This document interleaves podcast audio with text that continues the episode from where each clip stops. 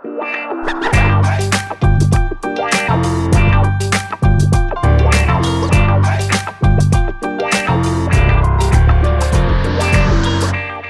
welkom bij een nieuwe aflevering van een podcast over voeding. In deze podcastserie gaan we in op de wetenschap achter voeding en laten we wetenschappers aan het woord over allerlei thema's die met voeding te maken hebben. Normaal zeg ik nu Bart Mol van I'm a Foodie, die is er natuurlijk ook bij. Maar dat is helemaal niet zo. Hij, eh, hij, is, hij, hij is nog niet in de building.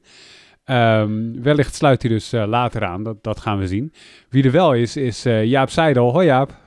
Hoi, ja. Want het is, uh, het is weer woensdag en dus hebben we weer een broodje, broodje Jaap voor je. Onze, onze wekelijkse serie waarin we de actualiteit doornemen in 15 minuten of net iets meer. Hè? Het verschilt er wel eens. Ja. Um, en dat doen we elke week. En deze week gaan we alvast even vooruitblikken op iets wat over een week of drie gebeurt. Namelijk een commissiedebat leefstijlpreventie. Dat is in de Tweede Kamer uiteraard.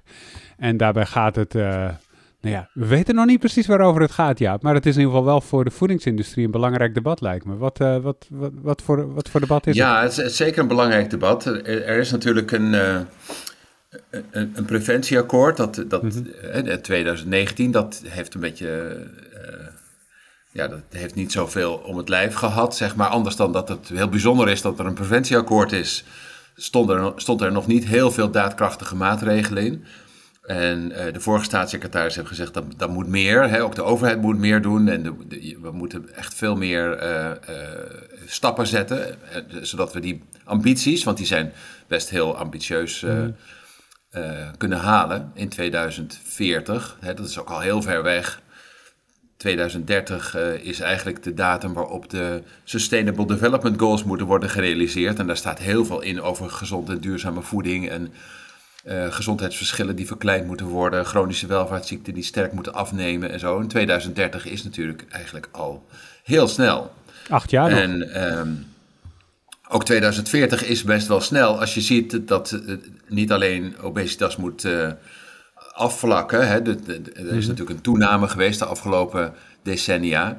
En ja, die moet omgebogen worden naar een afname. En die moet weer terug naar 20 jaar terug. En dat, uh, of meer dan 20 inmiddels. En 2019, 2020 jaar terug. En dat, dat betekent dat er uh, echt radicaal andere dingen moeten gaan gebeuren. Uh, in, ja, wat betreft onze voedingsgewoonten. En die voedingsgewoonten die zijn natuurlijk heel hardnekkig. En die zijn lastig uh, om te buigen.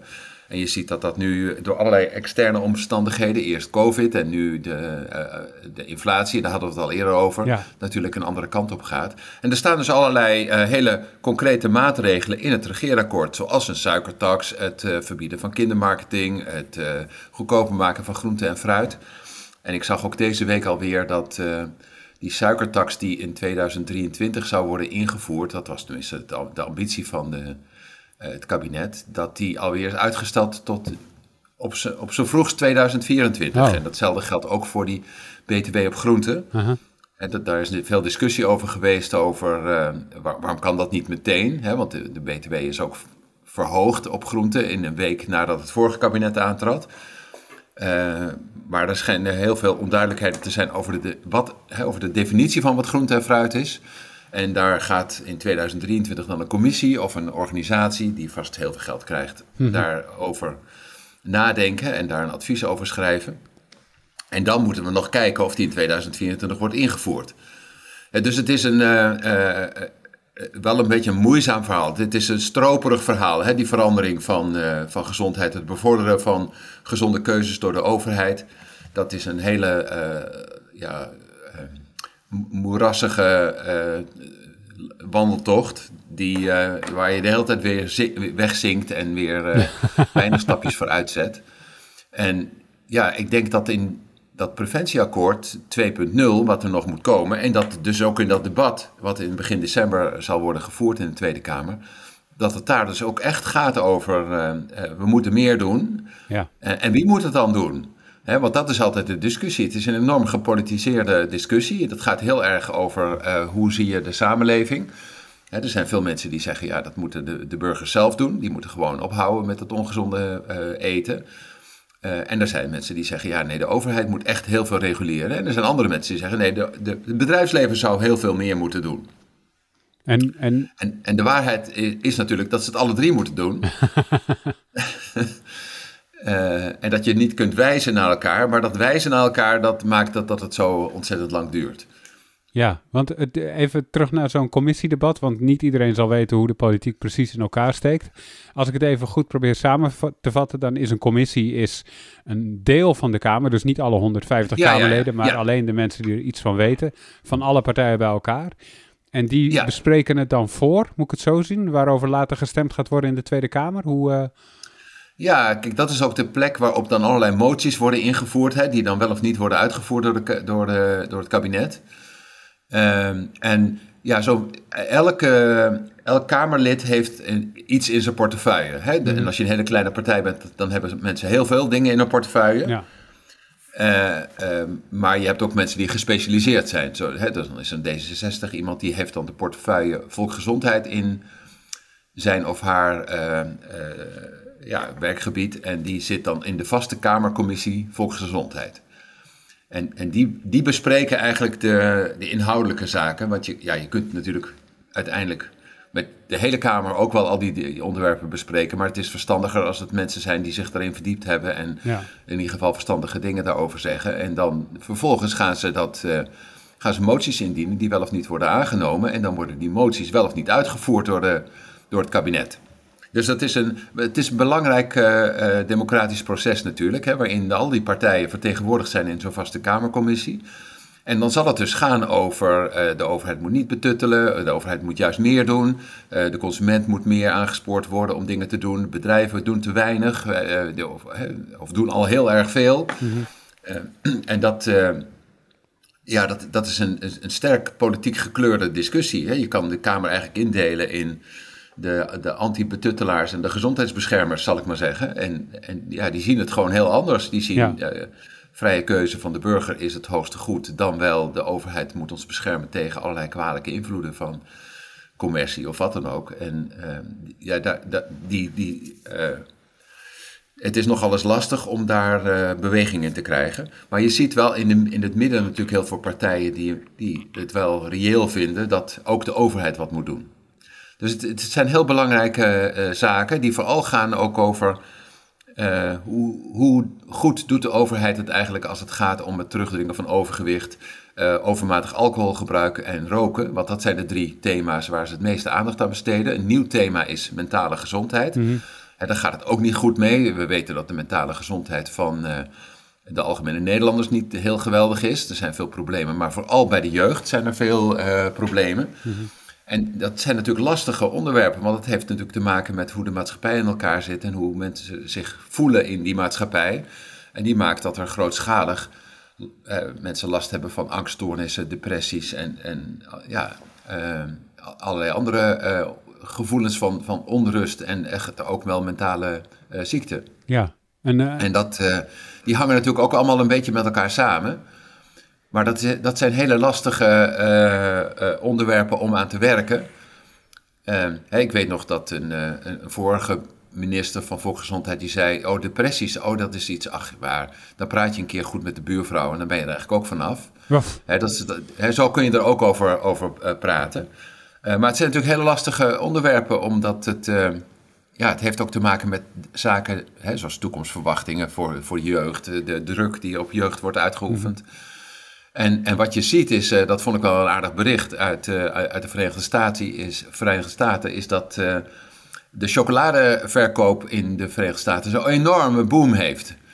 En dat was al zo tijdens corona. toen waren er ook nog vette snacks die ontzettend goed liepen. Mm -hmm. die vette snacks zijn inmiddels weer weg, want die zijn denk ik te duur door inflatie. Maar chocola is ook duur, maar dat, wordt, dat, dat is op een all-time high nu.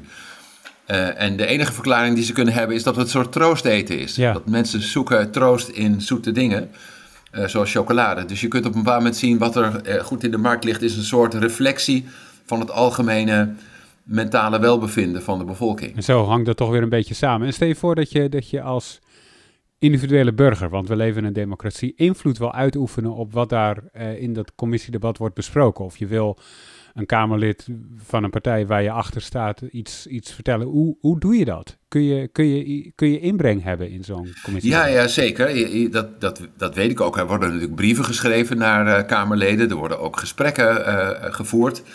Uh, die mensen gaan ook op werkbezoek overal en zo. Dus je kunt, je kunt als het goed is, is een, is een Kamerlid, zeker als je lid bent van een partij, heel goed bereikbaar.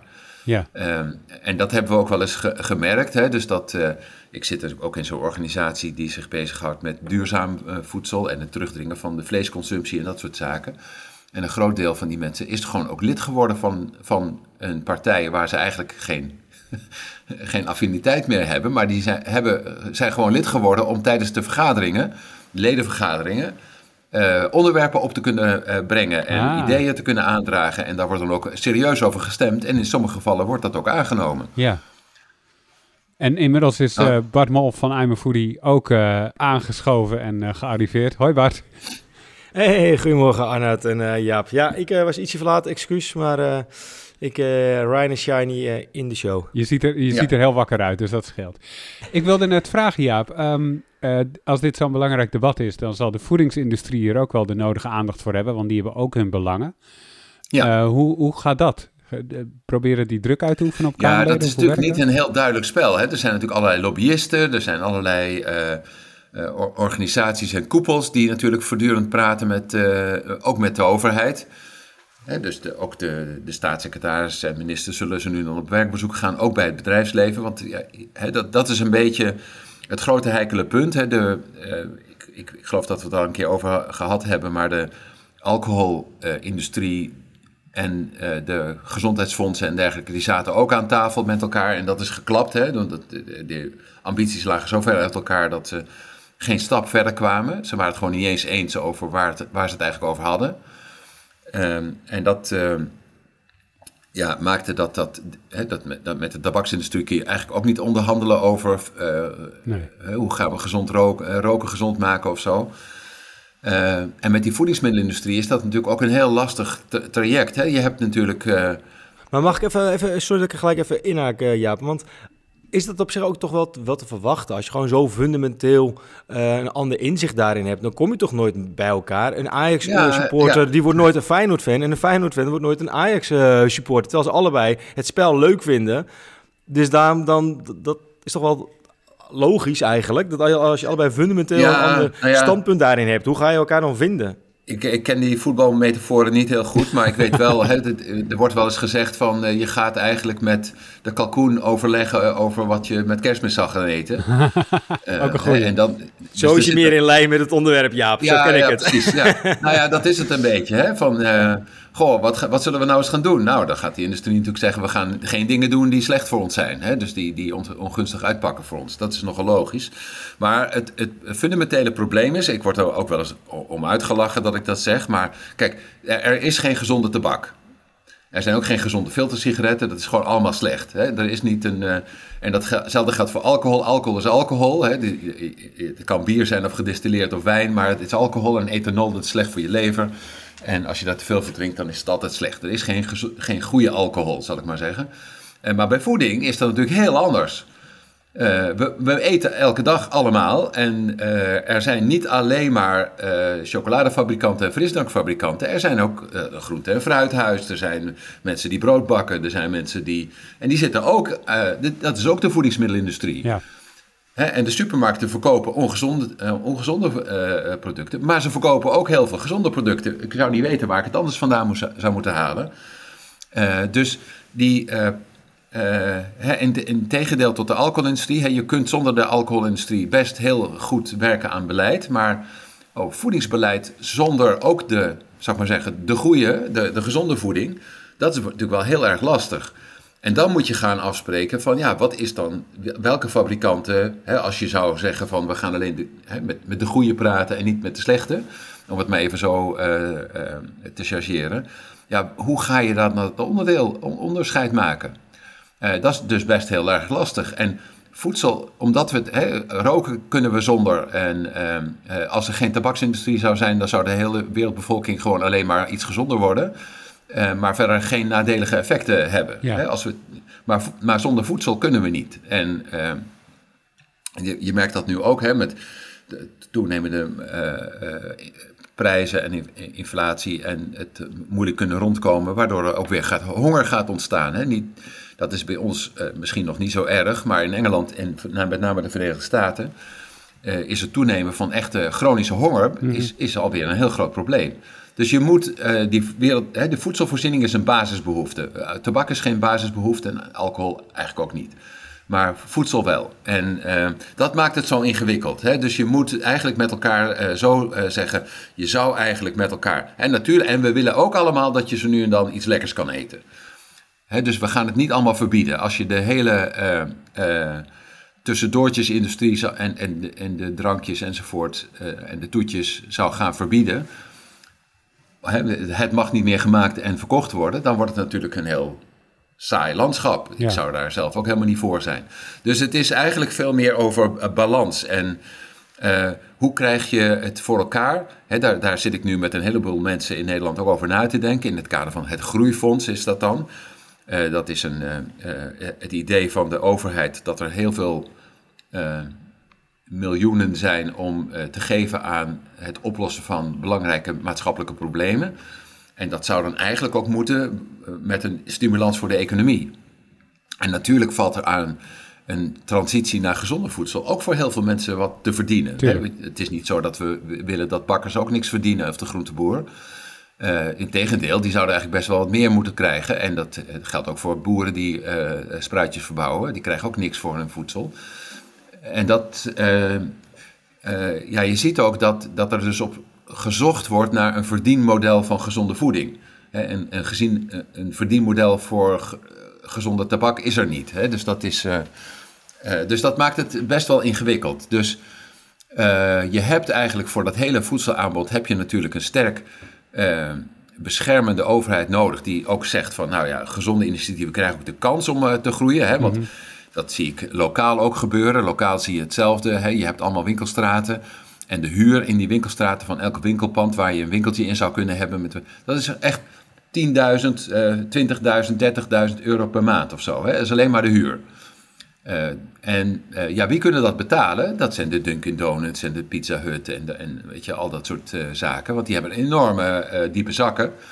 En die huren die zaken. Maar als je een ja, een, een, klein bedrijf bent wat iets met groentesoep wil, ik noem maar wat, of met gezonde snacks tussendoor en zo, dan kun je dat natuurlijk als start-up helemaal niet betalen. Nee. Hè? Dus je, je moet eigenlijk ook in de samenleving kansen creëren voor mensen die gezond en liefst ook duurzaam voedsel aanbieden. en ze een tijdje de kans geven om daar, ja, ja, daarin te groeien. En dat, dat laatste is dus heel erg lastig. Hè? Dus we zien eigenlijk dat altijd wanneer er dat soort initiatieven zijn, dat geldt voor het topsectorenbeleid, of zo heet dat dan in Nederland, hè, waarbij de wetenschap moet samenwerken met het bedrijfsleven. Mhm. nou, op het gebied van voeding is dat dus met de voedingsmiddelenindustrie. Uh, want dat zijn de enigen die echt geld hebben om echt grootschalig en, en langdurig onderzoek te gaan doen. Uh, en dat geldt voor zo'n groeifonds eigenlijk ook weer. Hè? Dus het is heel erg lastig om uh, nieuwe start-ups of zo te gaan verbinden en te zeggen: als jullie nou meedoen, dan kun je, kun je ook mee investeren en dan kun je ook meedelen in de zeg maar, opbrengsten daarvan op de lange termijn. Ehm, en dat, dat maakt het noodzakelijk, denk ik, dat de overheid ook voorwaarden schept dat gezonde voedselaanbieders dat die ook de kans krijgen om dat te kunnen gaan doen. En kunnen we dan ook verwachten tijdens dat uh, commissiedebat dan, wat binnenkort uh, plaatsvindt op 8 december? Nou ja, de, over die leefstijlpreventie staat, worden dan ook daarin besproken? Of, of wat kan je daarover ja, zeggen? Ik, ja, ik, ik, denk dat de, de, de, de, rol van de voedingsmiddelenindustrie aan die tafels, dat die ook ter discussie zal uh, komen te staan. Mm -hmm. want dat, dat is die ook, hè? Want er, er, werd al gesproken in de Tweede Kamer toen die alcoholtafel stopte met functioneren, zal ik maar zeggen. Uh, toen werd er ook gezegd, hoe zit het eigenlijk met voeding? Moeten de, uh, die frisdrankgiganten en de, in het kader van de FNLI en zo, moeten die wel aan tafel zitten? Moeten die eigenlijk niet uh, meer bij de uitvoering zitten van het beleid? dus dat is wel iets wat, wat zeker ook ter, dus, de, ter tafel zal komen. En de overheid zal misschien ook meer ja, voorwaarden moeten scheppen voor bedrijven om het aantrekkelijk te maken om ook een tijdje gewoon minder ik noem maar even zeggen, meuk te maken of meuk te verkopen. Ja. en op een nieuw model uit te komen. Hè, ik, ik, heb het er wel eens over gehad, geloof ik ook hier in de podcast, hè, dat ook de supermarktindustrie op een bepaald moment zegt, of de supermarktbranche zegt dat ze best wel zouden willen stoppen met het verkopen van energiedrank. Uh, en ze, willen ook, ze moeten ook nu stoppen met het verkopen van sigaretten. Maar je zou ook kunnen zeggen, ja, al die ongezonde producten, doe dat nou een stuk minder en vervang het door gezonde. Maar dat betekent, hè, net zoals wij wel eens uitgerekend hebben bij de ongezonde aanbiedingen bij de kassa, als je die weghaalt, dan scheelt dat per kassa per week 700 euro. Ja. Uh, en dat in, aan omzet. En als je een kleine bedrijfsleider bent van een Albert Heijn, die uh, met moeite rond kan komen en zijn personeel nauwelijks kan betalen, hè, de vakkenvullers enzovoort. Ja, dan is, als je vijf kassa's hebt, dan is dat dus heel veel geld. Ja. Wat je ineens niet meer hebt. En eigenlijk zou je dus een mechanisme moeten hebben van als je nou stopt met dat, en dan heb je omzetverlies, dan gaan, hè, dan gaan we in een, een, fonds hebben die je tijdelijk gaat steunen daarin. Ja. Uh, zodat je uh, ondertussen kunt nadenken over ja, hoe kunnen we dan eigenlijk zorgen dat we wel weer geld verdienen, maar dan met gezondere producten. Dat soort overgangssituaties, dat hebben we in het verleden ook gezien in, in schoolkantines. Hè. De, als je schoolkantines gezond maakt, dan zakt eerst de verkoop enorm in. Mm -hmm. ja, dan heb je, heb je niet meer energiedrank en je hebt geen, geen roze koeken meer en geen lekkere snacks tussendoor en dat soort zaken. En dan gaan al die schoolkinderen die gaan naar de eh, de zaken rondom de school. Hè? Dus de supermarkten, de, de kleine winkeltjes enzovoort, waar je dat ook goedkoop kunt krijgen. En dan zakt dus de, de verkoop van die kantines die zakt in. En dan sommige van die kantinebeheerders die zeggen, ja, ik moet, de, ik moet de zaak sluiten. Maar je ziet dat als de kantines een tijdje doorgaan, op een bepaald moment is het te veel gedoe voor die uh, scholieren om steeds maar weg te lopen. En als je ook nog een beetje zegt van je mag eigenlijk het schoolplein niet af tijdens de pauze, dan blijven ze ook meer daar. En dan gaan ze geleidelijk aan wel weer ook wat kopen wat er uh, in de kantine te koop is. Uh, en sterker nog, als je dan uh, het volgend schooljaar weer begint in september, dan komt er een hele nieuwe lichting brugpiepers. Die niet anders weet dan wat er op die school te koop is. Ja. En die kopen dat gewoon. Weet je? Dus, en dan zie je dat geleidelijk aan die verkopen weer terugkomen. Maar door dat dal gaan, de, waar heel veel, hè, bij, bij een transitie heb je natuurlijk altijd een periode waarin het moeilijk is. Uh, daar zou je, denk ik, uh, uh, kantinebeheerders, supermarkten enzovoort heel erg goed mee kunnen helpen. Door die transitie ook degelijk inkomstenverlies bijvoorbeeld te gaan compenseren. Ja. Ja, dus... Dat geldt ook voor boeren overigens, die overstappen van bijvoorbeeld suikerbieten of veevoer verbouwen naar gezonde producten voor, voor burgers. en dat lokaal verkopen dat, dat kost ook weer een tijdje investeringen enzovoort. Dus als we het toch hebben over nou ja, allerlei landbouwsubsidies en dat soort zaken, dan zou je dat natuurlijk daar ook in mee kunnen nemen. Het meer produceren van lokaal, duurzaam, uh, gezond voedsel. Uh, ja, daar moet je de, de landbouw dus ook bij helpen. Klinkt, logisch. Genoeg om het over te hebben over drie weken dus in de, in de Tweede Kamer. Uh, Zeker. Uh, ik hoop ook dat die thema's dus een beetje gekoppeld worden. Hè? Ja. Dat, eh, dat, is natuurlijk een beetje een rode draad in wat ik hier ook zeg. Hè? Maar het gaat ook om dierenwelzijn, uh, stikstofcrisis, het gaat om duurzaamheid, lokaal voedsel. gezonde voedselaanbieders en dat soort zaken. En, en volksgezondheid. Ja. Hè? En dan gaat het over mentale gezondheid, fysieke gezondheid en een beter immuunsysteem. Hè? En al die dingen, dat zien we natuurlijk toch heel goed uh, de, laatste jaren weer. Hè, je, we hebben het er nog niet over gehad, maar je hebt natuurlijk de klimaattop in, uh, in, in uh, Egypte nu. Mm -hmm. En daar staat nu voor het eerst bij zo'n klimaattop ook echt het voedselsysteem heel erg centraal. Ja. dus dat is denk ik allemaal winst. Hè? Dus geleidelijk aan schuift het naar de realisatie dat we echt naar een ander systeem moeten. Dat de overheden daar een sturende ro rol in hebben. Uh, dat, de, dat de burgers natuurlijk ook die keuzes moeten maken, want die, mm-hmm. die, die hebben ook die verantwoordelijkheid. En het bedrijfsleven moet gewoon zijn best doen om daarbij aan, aan te haken en voorop te lopen. Yes. Nou, dat lijkt me een goed moment om een, om een punt te zetten. Bart, heb jij tot slot van deze aflevering vanuit I'm a Foodie nog dingen die je wilt toevoegen? Nou, eigenlijk wel, want uh, volgende week begint natuurlijk weer uh, de Black Friday uh, gekte. Ah, en Cyber Monday. En eigenlijk doen wij er gewoon, gewoon lekker aan mee. Dus ik zal er ook wel even een link in de show notes zetten. wat eigenlijk al onze acties zijn. Dat begint vanaf volgende week maandag. Mm -hmm. En is het gewoon een hele week feest. Dus mocht je nog op zoek zijn naar die ene titel of de granola... of een bepaalde cursus voor diëtisten of voedingsprofessionals zoals fact-checking... dan zou ik zeggen, wacht nog even een weekje. Want dan is volgende week een hele mooie aan, aanbieding. Yes, dan wil ik nog even zeggen, als je deze podcast nou leuk vindt, geef ons sterretjes in je podcast app. schrijf een recensie als dat kan. Vinden we altijd leuk en het helpt anderen ons te vinden. Uh, dankjewel Bart. Uh, yes. Dankjewel Ja. Tot de volgende keer. Ja, bedankt voor het luisteren. Tot volgende week. Hoi hoi. Okay, hoi.